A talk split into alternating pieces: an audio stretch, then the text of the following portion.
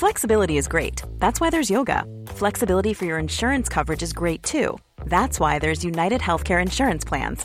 Underwritten by Golden Rule Insurance Company, United Healthcare Insurance Plans offer flexible, budget friendly coverage for medical, vision, dental, and more.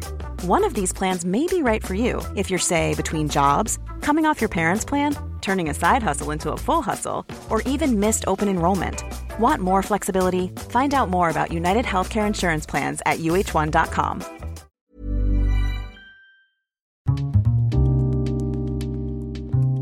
programmet handlar om en noga utvald bok och ett samtal med dess författare. Välkommen till Lära från lärda. Fredrik Hilleborg vid micken och den här veckan har jag en bok i min hand som jag läst som heter AI för offentlig sektor. Insikter, inspiration och möjligheter. Jag säger välkommen till författaren Peter Siljerud. Tack så mycket. Jag brukar alltid börja med att eh, författaren får presentera sig, så jag tänker vi, vi kör därifrån. Mm. Jag jobbar som omvärldsanalytiker och trendspanare.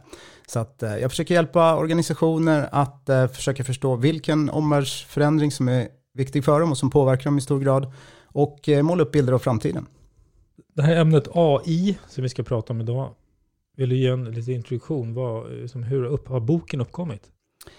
Ja, men jag själv började med det här för kanske en 6-7 år sedan och insåg att det här är ju väldigt häftigt. Jag hade lite missat det tåget, vilket är lite konstigt för en omvärldsanalytiker. Så det var min fru som sa, men Peter du måste kolla på det här med AI. Så då gick jag massa kurser, jag började själv experimentera, programmera och lära mig mer. Och sen till slut hade jag samlat på mig massa kunskap som jag kände att jag skulle vilja delge den här på något sätt. Och har du någon hisspitch om boken? Vad brukar du säga? Ja, men det finns ju väldigt många böcker om AI. Eh, men det finns inte så mycket litteratur om AI kopplat just till offentlig sektor. Det finns en del EU-dokument, lite myndighetsrapporter och så, ibland lite torra och svårgenomträngliga. Så att det här är ett sätt att på ett eh, eh, mer angenämt och eh, aptitligt sätt få en första inblick i vad AI är och vilka möjligheter som bjuds. Men om vi börjar den änden då, vad är AI för någonting? För det är ett ord som man hör mycket, det är ett litet buzzword. Ja, verkligen, och det har blivit högaktuellt just nu. Men om man ska komma till definitionen av AI så finns det ju väldigt många olika definitioner. Det finns en EU-definition och i princip varenda forskare har en egen definition. Och det bottnar i problematiken att vi har svårt att definiera intelligens. Och kan vi inte ens definiera intelligens så är det också väldigt svårt att definiera artificiell intelligens. Men jag tycker inte det är så viktigt exakt hur man definierar. Det är någon form av smarta datorer som löser komplexa problem. Utan jag tror man, man istället ska se det eh, från ett nyttoperspektiv. Vad kan du göra för någonting? Kan du lösa en uppgift på ett smart sätt? För det är ju så ungefär vi bedömer om en människa är intelligent eller inte. Finns det några vanliga missförstånd skulle du säga kring AI?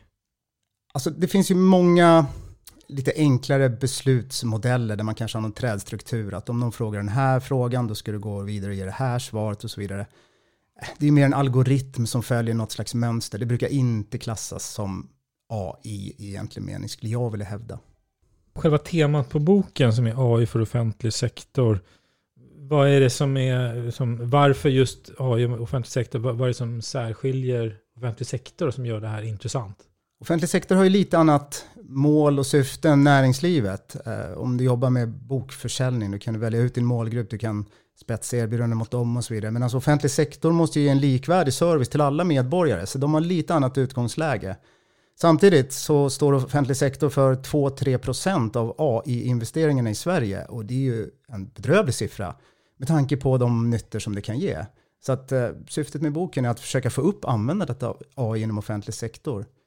Eh, DIGG, den här myndigheten för digitalisering, lite slarvigt uttryckt, de har ju eh, tagit fram en rapport där de menar att vi skulle kunna spara 140 miljarder kronor varje år eh, potentiellt vid ett komplett införande av AI i offentlig sektor. Vad är det man ska införa då egentligen? Man, man kan se nytta på flera sätt. Dels kan man se kostnadsbesparingar. Att man kan eh, göra en del manuella, repetitiva uppgifter betydligt enklare. Eh, en annan poäng är naturligtvis att man kan eh, höja kvaliteten. Eh, och allra helst båda två samtidigt. Det är det optimala. Och I boken så har du mängder av case, exempel som du har samlat ihop. Hur, hur, har du gjort det? Har du åkt runt och... För det är exempel från offentlig sektor i Sverige en hel del. Ja, precis. Det är med ett antal case i boken då, eh, där jag har intervjuat folk som jobbar med det här. Så de är ju föregångare kan man ju säga. Eh, och eh, de gör det på helt olika sätt, olika angreppssätt. De använder det inom allt från orosanmälningar till barn som far illa till att känna igen gammal handstil från 1800-talet och digitalisera den till att eh, optimera manuella rutinuppgifter för inkommande handlingar exempelvis. Så att, ja, det är en väldig bredd. Men det visar också på att det här är en generell grundteknik som går att applicera inom så otroligt många områden och det är det som gör det så himla fascinerande. Har du något favoritexempel? Ja, det kanske allra bästa eh, tycker jag är väl Hallands sjukhus Eh, de jobbar med datadriven sjukvård där AI är en del av det. Eh, och de mäter väldigt många saker. De mäter över 500 olika variabler inom sjukvården. Det är allt från tiden en patient är inlagd på akuten till personaltäthet och ja, massa olika eh, data som de samlar in. Och sen så analyserar de det här eh, och utifrån det så kan de optimera vården. Och i jämförande mätningar så har de högst kvalitet på vården, de har högst effektivitet och de går med miljardöverskott. När i våra liv kan, kan vi, stöter vi på AI som vi kanske inte tänker på, som faktiskt är det? Nej, men, men det är ju så, vi använder ju AI i princip dagligdags var och en av oss. Så fort vi översätter en text med Google Translate så görs det med AI. Så fort vi går in på Facebook och får reklam så baseras den på AI. Eh, så fort vi startar vår mobil med fingeravtryck, scanning, så är det AI där bakom och så vidare. Så det här är ju någonting som hela tiden ligger i bakgrunden och vi redan använder många gånger helt ovetandes. Om vi ska prata om vad det är då, eller vad som kännetecknar tekniken bakom, var skulle du börja då? Det som är lite annorlunda då om man tittar på den delen av AI som framförallt är aktuell nu då, det är att den här baseras då på stora datamängder som man låter en dator, lite slarvigt uttryckt då, eh, träna på. Och den blir väldigt bra då på att hitta mönster. Eh, och sen kan den utifrån det då eh, ge svar på rätt komplexa frågor. Eh, och det här är ju lite nytt, för att helt plötsligt så har vi de här stora datamängderna, vi har de kraftfulla datorerna och vi har fått de här algoritmerna på plats. Och när vi har alla de tre pusselbitarna, plus ska vi säga också väldigt, väldigt stora investeringar, framförallt från it-bolagen i USA, så kommer genombrottet. Och nu nämnde it-bolagen, de, de stora Eh, Big Five eh, kallas de bland annat Google och Facebook och så vidare. Investerar jättemycket pengar och använder tekniken mycket. Mm. Eh, men man börjar med datamängden som man måste samla in på något sätt. Jag minns i boken tror jag du skriver om när du skulle satsa på Lotto och byggde, eller hur? Stryktipset. Ja, Stryktipset. Ja. Låt ett turspel till skillnad ja, från Stryktipset som eh, handlar om att få 13 rätt på Eh, ett antal fotboll, eller 13 fotbollsmatcher som man ska tippa rätt på. Då, då.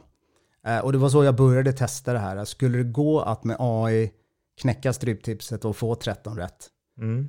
Eh, och jag byggde en lösning och eh, satsade 200 kronor, lite blygsamt, fick 12 rätt första veckan. Och då kände jag att det kanske är någonting på spåren ändå. Eh, min algoritm slog de här eh, tio tidningars experttippare eh, i ett 20-årigt perspektiv. Så jag tyckte att jag hade en ganska bra algoritm. Eh, så jag fortsatte satsa pengar, men för att det där skulle funka så krävdes det också ganska stora insatser. Så jag satsade ganska många tusen och sen så fick jag inte in 13 rätt efter några veckor så då, då lät jag det vila lite. Och då slog det direkt till förstås. Jag följde utvecklingen när jag inte satsade pengar och veckan efter så var det 13 rätt och 50 000 utdelning mm. som jag då missade. men, men i alla fall, om vi ska återkoppla till datan, i det här fallet så samlar du in alltså, eh, resultaten helt enkelt ja. från säsong till säsong. Alltså mata in den datan så att, ja. som grund. Precis, det byggde på 20 års historiska resultat från fotbollsmatcher. För jag bara tänker så man förstår det med data. För det, vad kan det vara mer? Kan, det kan också vara bilder exempelvis. Ja, absolut. Bilder är ju numera data också eftersom de är digitaliserade. Så det är ettor och nollor också. Så mm. att allting bygger på någon form av data. Eh, så att eh, det, det är ju liksom grunden för det hela, att en, en dator kan analysera de här ettorna och nollorna i någon mening. Mm. Mm. Eh, men sen då, det, det, det, kanske nästa eller mest kännetecknande, det är ju att man, vad den gör med den här datan. För det, den, AI ska ju lära sig och liksom lära sig själv. Mm. Ja, nej, men så är det ju. Eh, det finns ju ett antal olika algoritmer för olika ändamål och eh, det är ju så att idag att de flesta lösningar har varit väldigt, väldigt specifika. Att man tränar den för att ge svar på en enskild uppgift. Det kallas ibland för smal AI. Eh, Medan förhoppningen är väl att man ska nå någon slags mer artificiell generell intelligens som på ett bredare sätt ska kunna adressera frågor. Och det kan man också se med den här nya chattlösningen, ChatGPT, som har blivit väldigt populär, att den är ju väldigt bred och klarar väldigt mycket. Men då ska man komma ihåg att den baseras ju också på publik data. Så att där kan man ju inte med den lösningen få svar på kanske saker som man själv har internt inom sin organisation. Och de här algoritmerna, vem är det som gör dem? I huvudsak så är det de amerikanska IT-företagen och eh, eh forskare naturligtvis. Eh, även Kina ligger väldigt långt fram, ska vi säga. Kina och USA är de länder som ligger längst fram. Eh, och fram till nu så har det varit en väldigt stor öppenhet. Det har varit tävlingar där man ska exempelvis eh, identifiera föremål på en bild. Och eh, det är lite prestige, man vill vinna en sån tävling och så vidare. Men de tävlingarna har också slutat nu, för de, menar, de är så bra nu så att det liksom, vi ligger på 99%, så att det inte är meningsfullt att fortsätta med de här tävlingarna. Mm. Men vad vi ser nu det är att det faktiskt för första gången egentligen blev en liten återhållsamhet här uh, i och med den senaste versionen av den här ChatGPT-lösningen där man inte ville publicera fakta om exakt hur det här hade tagits fram.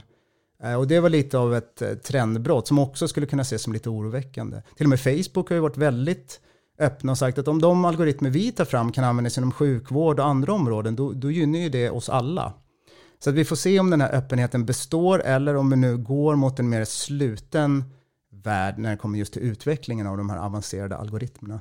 Ja, för det måste vara värt pengar också. Alltså, det kostar att ta fram. Och...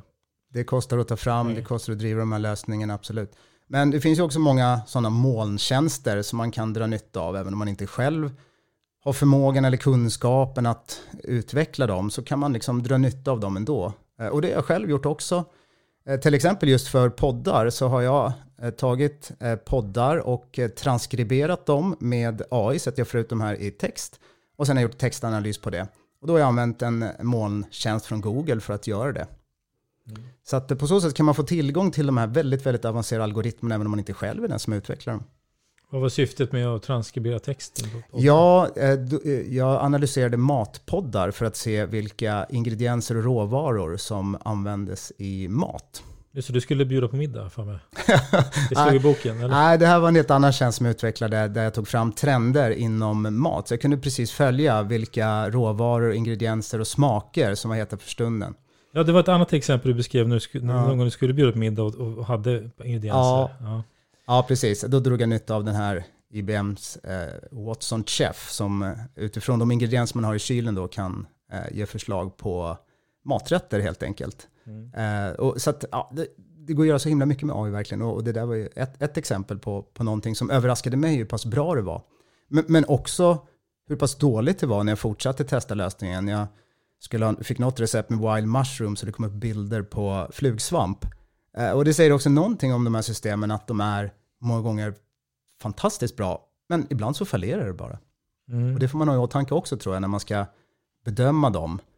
Eh, hur pass säkra kan vi vara på att vi har ett svar? Ibland så spelar inte det någon större roll om man har annonser ute för att sälja böcker. Ja, visst, klickar de inte på boken så är det som det är, men just inom offentlig sektor så vill man inte att en läkare ska få ett felaktigt beslut, eller i alla fall en indikation på vad det kan vara för åkomma, och sen så är det inte det.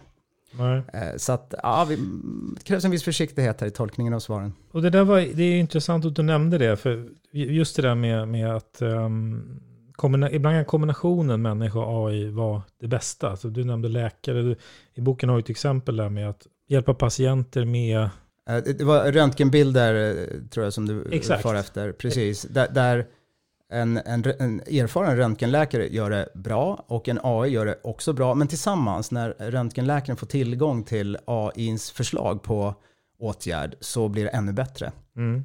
Eh, och det här används ju bland annat då av Karolinska och Danderyds sjukhus som har tagit fram en lösning för röntgenbilder.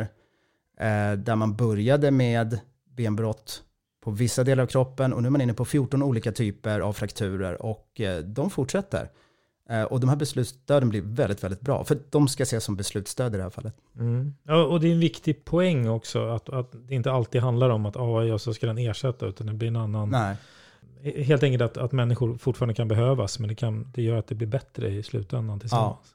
Ja, ja absolut. Men, men det är klart att om en läkare får visst stöd. Ska det här gipsas eller inte? Eller hur ska det här behandlas? Så, så kan ju det minska lidande för patienten, det kan eh, korta köerna i vården och så vidare. Så det kan ju väldigt många mervärden tror jag. Mm. Vi återkommer till det där med datan, om man ska få in data i en, i en algoritm och sådär. Men hur mycket data pratar vi om? Hur, hur, många vad ska man säga, datapunkter eller värden eller måste man mata in för att det ska bli hända någonting för att det ska ge resultat? Mm. Ja, det generella svaret är ju mer desto bättre. man kan göra en del med lite data, men ju mer data desto bättre. Och det intressanta mot tidigare system som var regelbaserade, om man tar schack till exempel, så liksom man hade en uppsättning regler som en schackdator skulle följa, så var de statiska. Man kunde förstås uppdatera en bättre algoritm, men det var liksom ett statiskt system. Eh, med dagens system finns det egentligen ingen bortre gräns. Ju mer data du öser in, desto bättre svar kommer du få. Mm. Men det innebär inte alltid att du får sanningen om vi backar tillbaka till fotbollsmatcher. Men de går inte att förutspå till 100%, det kommer de aldrig göra hur mycket data du än har. Så det finns ju begränsningar förstås, även med de här systemen. Och, och, så att när man utvecklar då, man, man, kan ha data och så testar vi, nu har, har vi de här 5000, eh, vad säger man, datapunkter? Eller? Ja, vi kan kalla det för det. Ja, och så för vi in det och så testar vi, ja det blir inte tillräckligt bra, ja men då testar vi och gör om med 10 000 ja. istället och så kan det bli, som bli bättre, så får man se vart det, vart det vart man hamnar. Ja, precis. Utan att gå in för mycket på tekniken så fungerar det som så att man delar upp datamängden i en, eh, en del som man tränar på systemet på. Sen sparar man en del data som man använder för att testa och utvärdera som då den här algoritmen inte har fått se innan. Eh, och då kan man se hur pass väl den presterar. Eh, och genom ett sådant förfarande så kan man byta ut algoritmen om den inte är tillräckligt bra mot en annan. Eller man kan tillföra mer data för att se om det är bättre svar. Mm. Så det är typiskt förfarande när man utvecklar sådana här lösningar. Har du något annat favoritexempel från alla, alla dina case du har sett? Ja, nej, men det finns många kul. Ehm, vi kan ta Bolagsverket eh, som får in enorma mängder handlingar. Eh, det är årsrapporter och allt möjligt som de ska försöka eh, sortera. Och det här kommer in via post och det kommer in via e- e-mail. Och ehm, de har nu en AI som kan analysera den här, de här inkommande handlingarna och dela in dem i de här 18 kategorierna.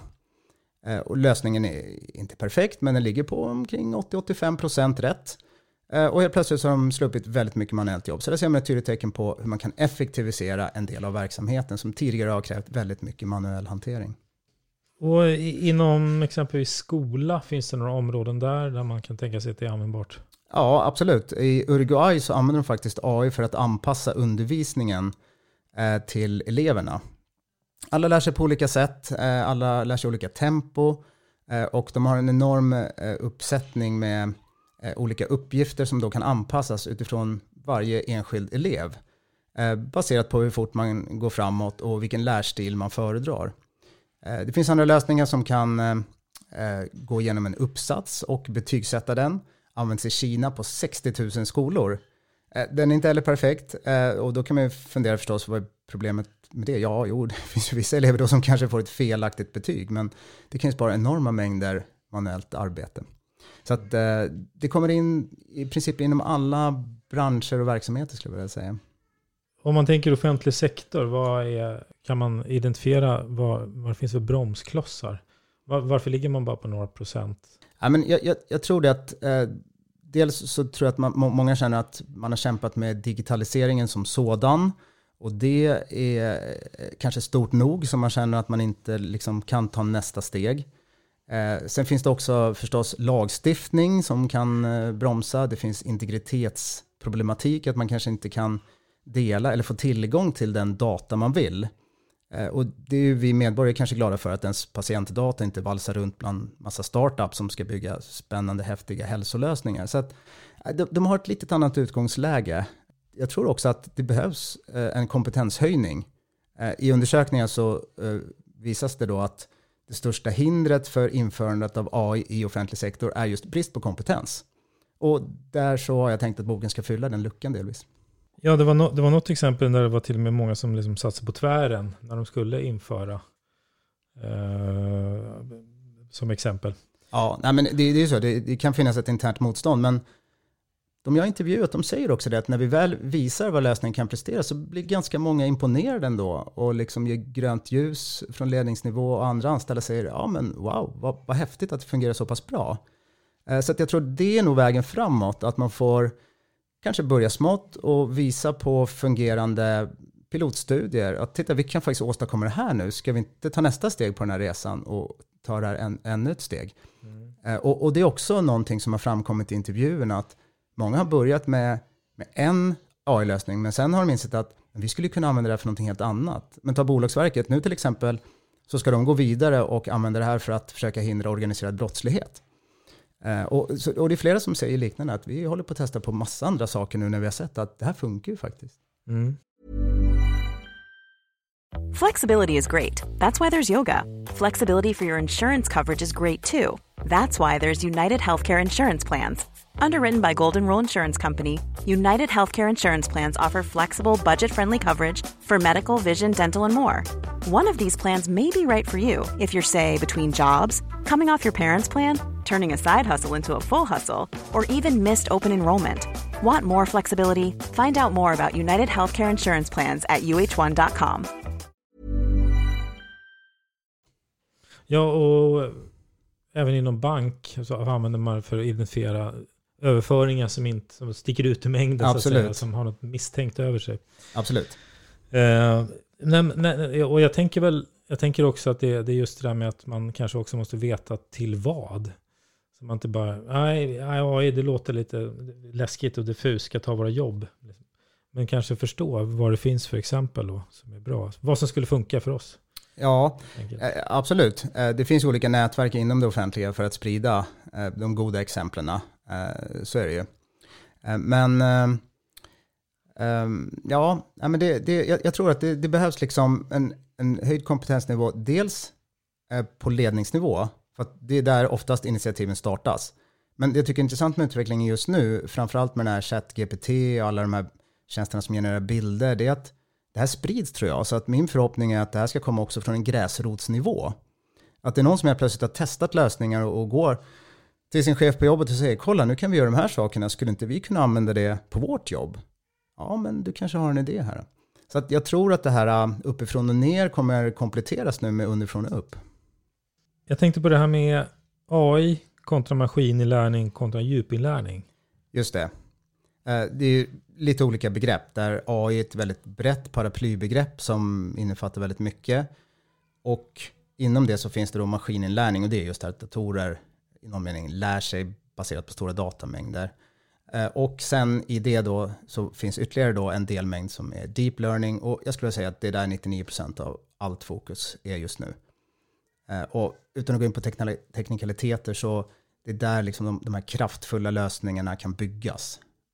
Har du exempel på vad det kan bli, vad för något som, som är deep learning? Ja, men jag, jag tror nästan alla lösningar idag som vi ser eh, bygger på det. För, för det är liksom det sättet att göra det på. Det finns andra sätt som ibland kan vara bättre tillämpliga, men om man tittar på den här chattlösningen, om man tittar på alla de andra lösningarna, de bygger på deep learning. Mm. Mm. Och då kan det handla om eh, automatisk ansiktsigenkänning och, och sådana saker? ja. Är, som... Översättning av text, summering av text, eh, generering av text eh, och så vidare. Så mm. det, det, det, är deep learning. Men är det så om man, om man tar till exempel, du sa Google Translate, eh, när vi använder det, är vi med och tränar det då?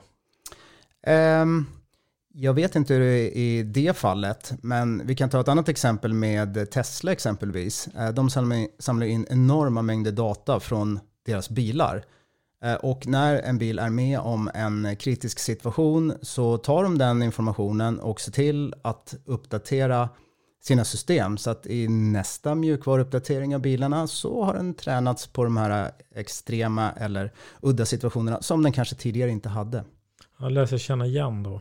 Ja, precis. Så det, det är så att de här systemen är ju ofta statiska när de har implementerats. Då är liksom, man har tränat den på datan, man har implementerat lösningen och då är den fix, liksom. då, då är det den som rullar. Och inte förrän man gör då egentligen en omträning så kan den förbättras. Mm. Eh, så att systemet är inte lärande liksom i realtid, att det hela tiden anpassar sig och så. Eh, och just ChatGPT-lösningen, den har också ett brytdatum då i september 2021, att efter det så, så kan den ingenting helt enkelt. Utan den tränades på data innan det. Ja, och det där är ju intressant, för det, det är ju lätt att tänka att den tränas hela tiden. Men, men just som jag nämnde, att exemplet med om vi lägger in 5000 datapunkter och så kör den på det. tills vi liksom uppdaterar eller har lagt in fler eller tränat upp den till 10 000 eller vad mm. Nej, precis. Eh, det krävs ju då en omträning helt enkelt. Och det görs ju när man har fått ny data som man känner att ah, men kan vi tillföra den här så skulle det höja prestandan, så låt oss göra det. Men, men jag kan bara säga, lite av problemet där också, det är att data chanserar ju över tid. Data är lite som en tidskapsel, att man samlar in data och sen så bygger man ett AI-system, tränar den på det. Men mycket av den här datan bygger ju på mänskliga handlingar eller biologiska processer och så vidare. Och det, det här förändras ju över tid. Eh, eller ta bara coronapandemin. Är data som vi samlade in innan pandemin relevant efter pandemin? Eller data som samlade in under pandemin för all del. Eh, så att ehm, det, det finns någon slags tidsaspekt här också. Att datadrift helt enkelt. Att datan chanserar över tid och kanske inte riktigt är relevant. Det måste ju vara så också att det är många som kanske sitter på data som man inte använder. Alltså som man skulle kunna använda till AI. Absolut, det kallas ju för mörk data, att man har massa data. Det kan ju vara massa dokument, forskningsrapporter, gammal e-post, allt möjligt som man liksom inte riktigt har någon nytta för, men det lagras ändå på någon server. Eh, och jag tror att många gånger kan det finnas väldigt mycket intressant där som man skulle kunna bygga eh, lösningar på. Eh, men det säger också någonting om vikten av att börja samla på data. För att i ett senare skede så tror jag att den kan bli nyttig, även om vi inte förstår det idag. Jag menar, ta en operationssal till exempel. Om man samlar in information om allt från luftfuktighet till antal personer i rummet till ja, vad som helst. Helt plötsligt visar att vi kanske kan börja göra kopplingar och hitta mönster. Att luftfuktigheten är helt avgörande för eh, patientens utfall eh, efter en operation exempelvis. Det kan vi inte veta idag, men om vi börjar samla in all den här datan så kan vi hitta de här mönstren senare kanske när vi har kommit till det läget att vi ska bygga de här lösningarna. Hur kommer man igång? Jag tror utifrån intervjuerna att det bästa är att börja med ett mindre pilotprojekt. Särskilt inom det offentliga. Fördelen Följer med det att man får lite svängrum och testa, att det inte kanske finns ett krav på driftsättning eller att det ska ge någon slags avkastning direkt. Eh, så att många säger att det här med AI är en resa. Det tar tid att lära sig, det tar tid att göra sig redo för AI. Och att då ge sig på ett skarpt projekt direkt eh, kan vara lite riskfyllt. Eh, men sen ska vi komma ihåg att man behöver inte heller alltid massa teknik och programmeringskunskap för att få det här att hända. Om man tittar på mycket av den mjukvara som genereras av allehanda företag nu så bygger många av de här lösningarna på AI. Eh, och då kan vi använda det bakom kulisserna fast vi kanske inte direkt vet om att det ens finns där. Mm. Ja, ja, du återkommer mycket till det här liksom testa, trial and error, man måste våga göra det. Det måste ju vara lägen också där man Eh, vad ska man säga? Ja, men att det inte blev så bra. Ja. ja nu, då får vi slänga det där. Alltså lite så. Det kan ju också kanske vara svårt att man säga, få, få igenom eller få tillåtelse för. Ja, äh, men så är det ju. Ibland så fallerar det ju. Den första frågan kanske man ska ställa ska vi ha just AI för att lösa det här problemet som vi har framför oss? Det kanske inte alltid är det som är svaret heller. Eh, det, det, kan vara det, men det behöver inte vara det. Nej, och det är samma sak att det kanske om jag säger att man går till sin chef och säger att ja, jag skulle vilja testa lägga ner lite timmar här på ett test. så man inte vet var det landar. Ja, ja precis. Ja, men det där beror ju på förstås den organisation man jobbar inom, hur, hur pass stora frihetsgrader man har för att experimentera helt enkelt. Mm. Eh, men om man tar just Bolagsverket så de har ju de kallar för AI-hubben, så de har en hel avdelning som sysslar med de här sakerna. Så de är ju på jakt hela tiden efter nya spännande lösningar. Mm. Och då blir förstås kraften i det man kan åstadkomma betydligt större många av de här lösningarna, det, det, är liksom, det, är inte, det är inte riktigt som utveckling av andra it-system har flera påpekat. Att Eh, man vet inte alltid om det kommer fungera, som vi var inne på. Eh, och även om det fungerar så är det lite som att ha en nyfödd bebis. Den kräver lite omvårdnad, man kanske måste uppdatera systemet och så vidare. Så att eh, det här är mer levande materia kanske än mer traditionell it och systemutveckling men det måste ju också finnas, eh, vad ska man säga, man, man, alltså det är en risk för att behöva uppfinna hjulet igen. Om någon redan gör något här borta kan man inte, som, ja, vi kopierar eran ja. idéer. Absolut. Ja, men det finns ju sådana nätverk inom det offentliga där man försöker visa genom goda exempel och förhoppningen är att man ska sprida det här vidare till andra myndigheter och kommuner där man ser att någon gör någonting som funkar. Mm. Så att absolut, det är helt onödigt. Och samma sak, en del lösningar finns redan färdiga som generiska algoritmer då, som molntjänster man kan dra nytta av. I vissa fall så är det så komplext och det är en sån specifik uppgift så att man måste göra det internt. Och kanske träna en lösning på den interna datan som inte är publik på något sätt och så vidare. Så att det beror lite på helt enkelt vad man siktar på. Mm. Vad kan man se skillnaden? Vad, vad är liksom AI bra på som människor inte är bra på? Vad, vad är AI kontra människor helt enkelt?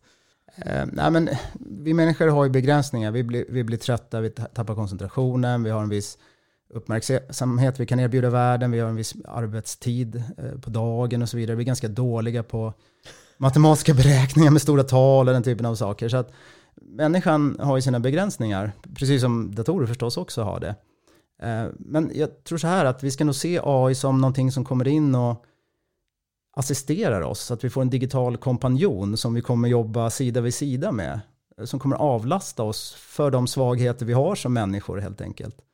Ehm, så att eh, jag tror att i alla fall inom de närmaste åren kommer AI snarare vara förstärkande än ersättande.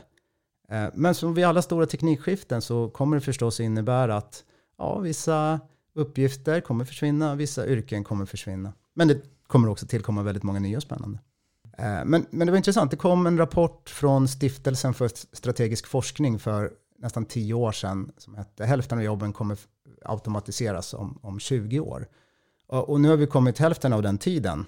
Och då skulle man kunna tänka sig att väldigt många av våra jobb är borta, vi har väldigt stor arbetslöshet, men det ser inte ut så.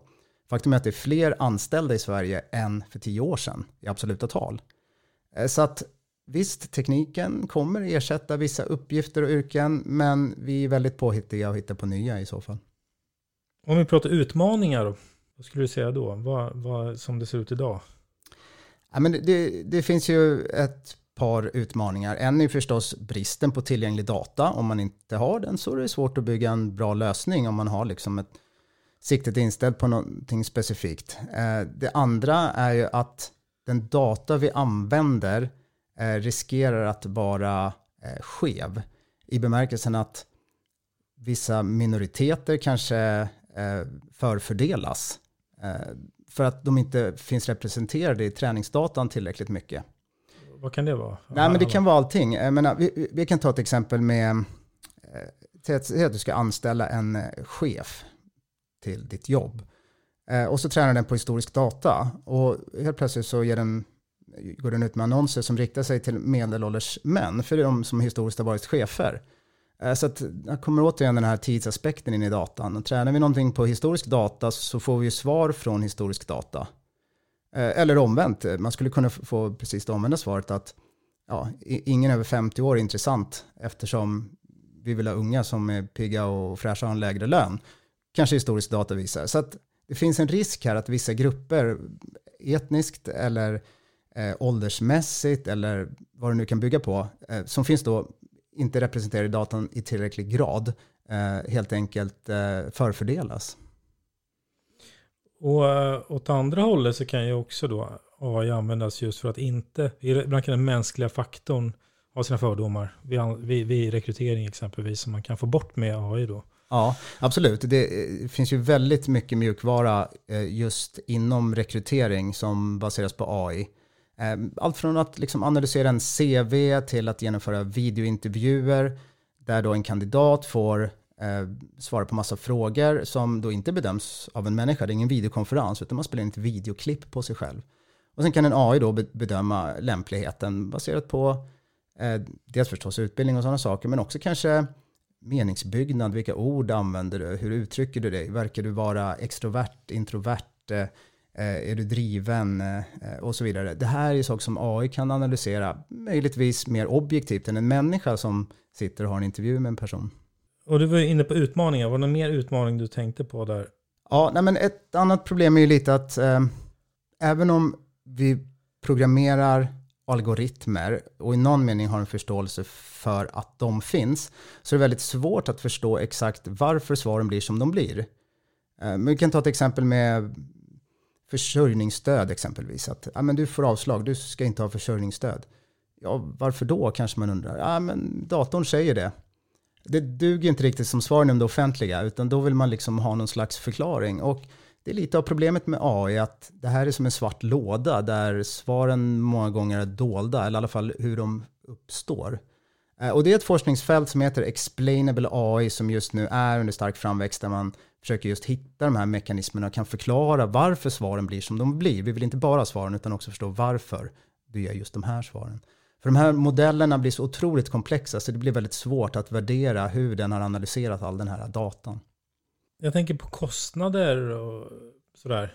Alltså som en ut... Eh, jag gissar om, om, om man tänker att ja, här ska vi införa, oj, no, nej, då man seglar på budget, tänker att det är dyrt. Ja, nej, men absolut, det är, det är så. Det här kostar ju pengar.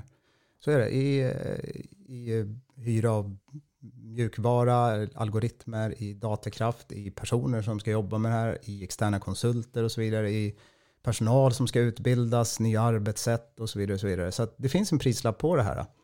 Eh, men det finns också många exempel på att den här initiala kostnaden kan betala av sig. Eh, jag tycker CSAB som eh, driver många av skolfastigheterna i Stockholm är ett kul exempel på det. Eh, de har installerat 25 000 sensorer i skolorna och de mäter luftkvalitet och temperatur. Och baserat på det så kan de då uppdatera fläktsystemen var 15 minut för att hela tiden då anpassa så att det är ett trevligt inneklimat. Och eh, det här gjordes manuellt tidigare, där någon kanske gick och vred på ett element en gång per år. Eh, och inte nog med att eh, inneklimatet blir bättre, så att skoleleverna säkert får en bättre skolmiljö och kan prestera bättre. Dessutom så sparar de då tiotals miljoner kronor varje år. Så att jag tror att det finns en prislapp, men i vissa fall så kan man räkna hem den eh, i ekonomisk besparing, eller om inte annat i höjd kvalitet. Du som är, jobbar med framtidsspaning så måste jag ju såklart då eh, fråga vad, vad skulle du säga om, om AI och framtiden? Ja, men just nu finns det ju många farhågor eh, att AI är farligt, att det kan liksom på olika sätt eh, ta över världen. Och eh, jag adresserar inte de frågorna i boken. Och det finns en viss relevans till det. Forskningsläget är väl lite delat. Hälften av forskarna menar att det är jättefarligt och hälften av dem menar att äh, men det är nog inte alls farligt och, och så är resten däremellan. Så det, det är en ganska stor splittring just nu, så vi vet inte. Eh, och det kommer det här initiativet att äh, men vi kanske ska pausa utvecklingen ett halvår nu och fundera igenom vad håller vi på med. Men, med, med Elon Musk bland annat? Ja, jag, tr jag tror att det där är helt idiotiskt. Jag menar, vilka kommer pausa då? Ja, västvärlden, möjligtvis om man ens skulle få igenom det, vilket i sig är en omöjlighet tror jag. Medan Kina, Ryssland och andra länder helt skulle hoppa över det och, och helt plötsligt ligga sex månader före alla andra. Så jag tror det är tvärtom är väldigt farligt att göra det. Eh, men det är klart det finns sådana farhågor, framförallt nu när man kan generera väldigt mycket eh, högkvalitativ text, man kan ta fram fejkade bilder och videos och det här har vi bara sett början på så att vi kommer behöva granska varenda text, varenda bild och varenda video vi ser från och med nu för att det kommer vara väldigt svårt att skilja på vad som är fejk och vad som är verkligt. Så just desinformationsbiten tror jag kommer bli väldigt aktuell inom kort. Eh, men det är klart att det finns risker. Men redan nu så har de försökt använda AI för att knäcka datasystem och så vidare. Hitta luckor och öppningar. Så att eh, det öppnar ju, precis som det öppnar upp möjligheter så öppnar det upp bakdörrar eller risker helt enkelt för kriminell verksamhet. Så är det helt klart. Är det någon pusselbit i boken som inte har nämnt som du vill nämna? Ja, men jag tycker en intressant aspekt det är att det är lätt att tänka sig att ja, men vi har vår befintliga verksamhet, hur kan vi använda AI? Men man kan också vända på perspektivet och säga vad är det idag som vi inte mäktar med? Det ligger kanske inte inom vårt uppdrag eller det kanske hela tiden prioriteras ned av resursskäl. Eh, jag kallar det för den långa svansen. Det är tjänster som inte utförs idag av olika skäl. Eh, men jag tror där finns det väldigt mycket att hämta. Där AI kan helt plötsligt erbjuda bättre service. Jag menar, ta bara en sån sak som att erbjuda all myndighetskommunikation på 200 språk. Det finns ingen människa som kan sitta och översätta det till en rimlig kostnad. Men med AI så går det att göra. Det fungerar inte för texter som kräver juridisk stringens och så vidare. Och så vidare. Men i många fall så skulle vi kunna översätta väldigt mycket texter med AI. Eller Riksarkivet som då digitaliserar de här eh, historiska handskrifterna. Det är ingenting som har funnits förut. Det är, det är liksom längre ner i svansen, men det blir en fantastisk tjänst om vi kan textmässigt då eh, söka efter ord i hela vårt eh, arv 500 år tillbaka i alla skrifter som Riksarkivet sparar. Mm. Det är rätt häftigt. Det, det är deras ambition. Men vända på frågeställningen, tankesättet där, perspektivet. Vad tänkte du? Inte vad gör vi idag, utan kanske... Ja, ja exakt, mm. exakt. Att man, att man vänder på det. Eh, och jag tror att eh, just eftersom systemen bygger på data så kan man börja i den ändan. Att man helt enkelt funderar på, okej, okay, vad har vi för data som vi skulle kunna göra någonting av? Istället för att tänka, okej, okay, vilka problem skulle vi kunna lösa här idag? Eftersom data är grunden så kan man börja med data och sen försöka leta lösningar. Eller omvända, det, det är också en möjlighet naturligtvis. Men eftersom data är så otroligt avgörande här så kan man börja gräva där och se vad har vi för någonting. Förutom att läsa boken, har du något tips som du vill skicka med kring Ja, ämnet? De som lyssnar? Absolut. Eh, Så jag själv började vara ut och testa.